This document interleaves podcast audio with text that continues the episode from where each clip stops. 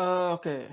Di sini gue pengen ngingetin buat kakak-kakak gue, eh kakak-kakak, buat teman-teman gue, kakak-kakak kelas gue, adik-adik kelas gue, atau siapa pun yang saat ini sedang melaksanakan ibadah puasa untuk jangan agar tidak hmm, gimana ya?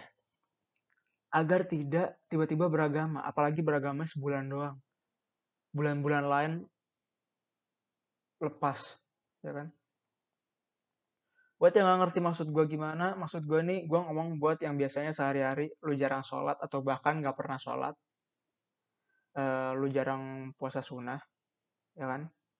Terus pas Ramadan lu bukber mulu, bukber mulu, ya Allah. Hari ini sama teman-teman SD lu, besoknya bukber sama teman-teman SMP, minggu depan sama teman-teman SMA lu, minggu depannya lagi lu bukber sama teman kuliah lu ya gimana ya? Gue nggak apa-apa lo bubar. Cuman bervariasi lah. Jangan teman-teman lo doang yang lo ajakin. Ajakin anak panti asuhan gitu. Atau orang-orang yang biasanya nyapu di jalanan. Apa-apa lah. Ada manfaat dan pahalanya juga. Lo jadi lebih kenal banyak orang. Gue lihat tiap lu bukber baju pada rapi-rapi banget ya kan? Mahal-mahal kelihatan gitu. Makan minum juga mahal-mahal semua sekarang gue tanya, lo tuh bukber apa party ya?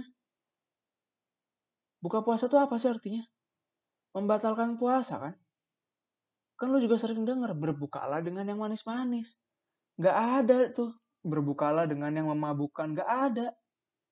Kalau misalkan ada sia-sia pak puasa lo. Ya Allah, pamer-pamer banget lo bukber mulu. Doa buka aja lo gak hafal kan? Ngapain bukber-bukber? Hafalin dulu itu basic-basicnya baru gaya. Ini lagi habis bukber bukannya teraweh. Malah nongkrong ya Allah. Malah ngobam. Asal lo tahu ya, terawih itu cuma dilaksanain sebulan setahun. Setahun cuma sebulan. Apalagi alasan lu gak ikut. Capek, mager, kebanyakan rokaatnya kelamaan iya. Ngedugem berjam-jam ya lu kuat. Giliran terawih 30 menit dong agarnya kayak disuruh bangun jalan. Manja.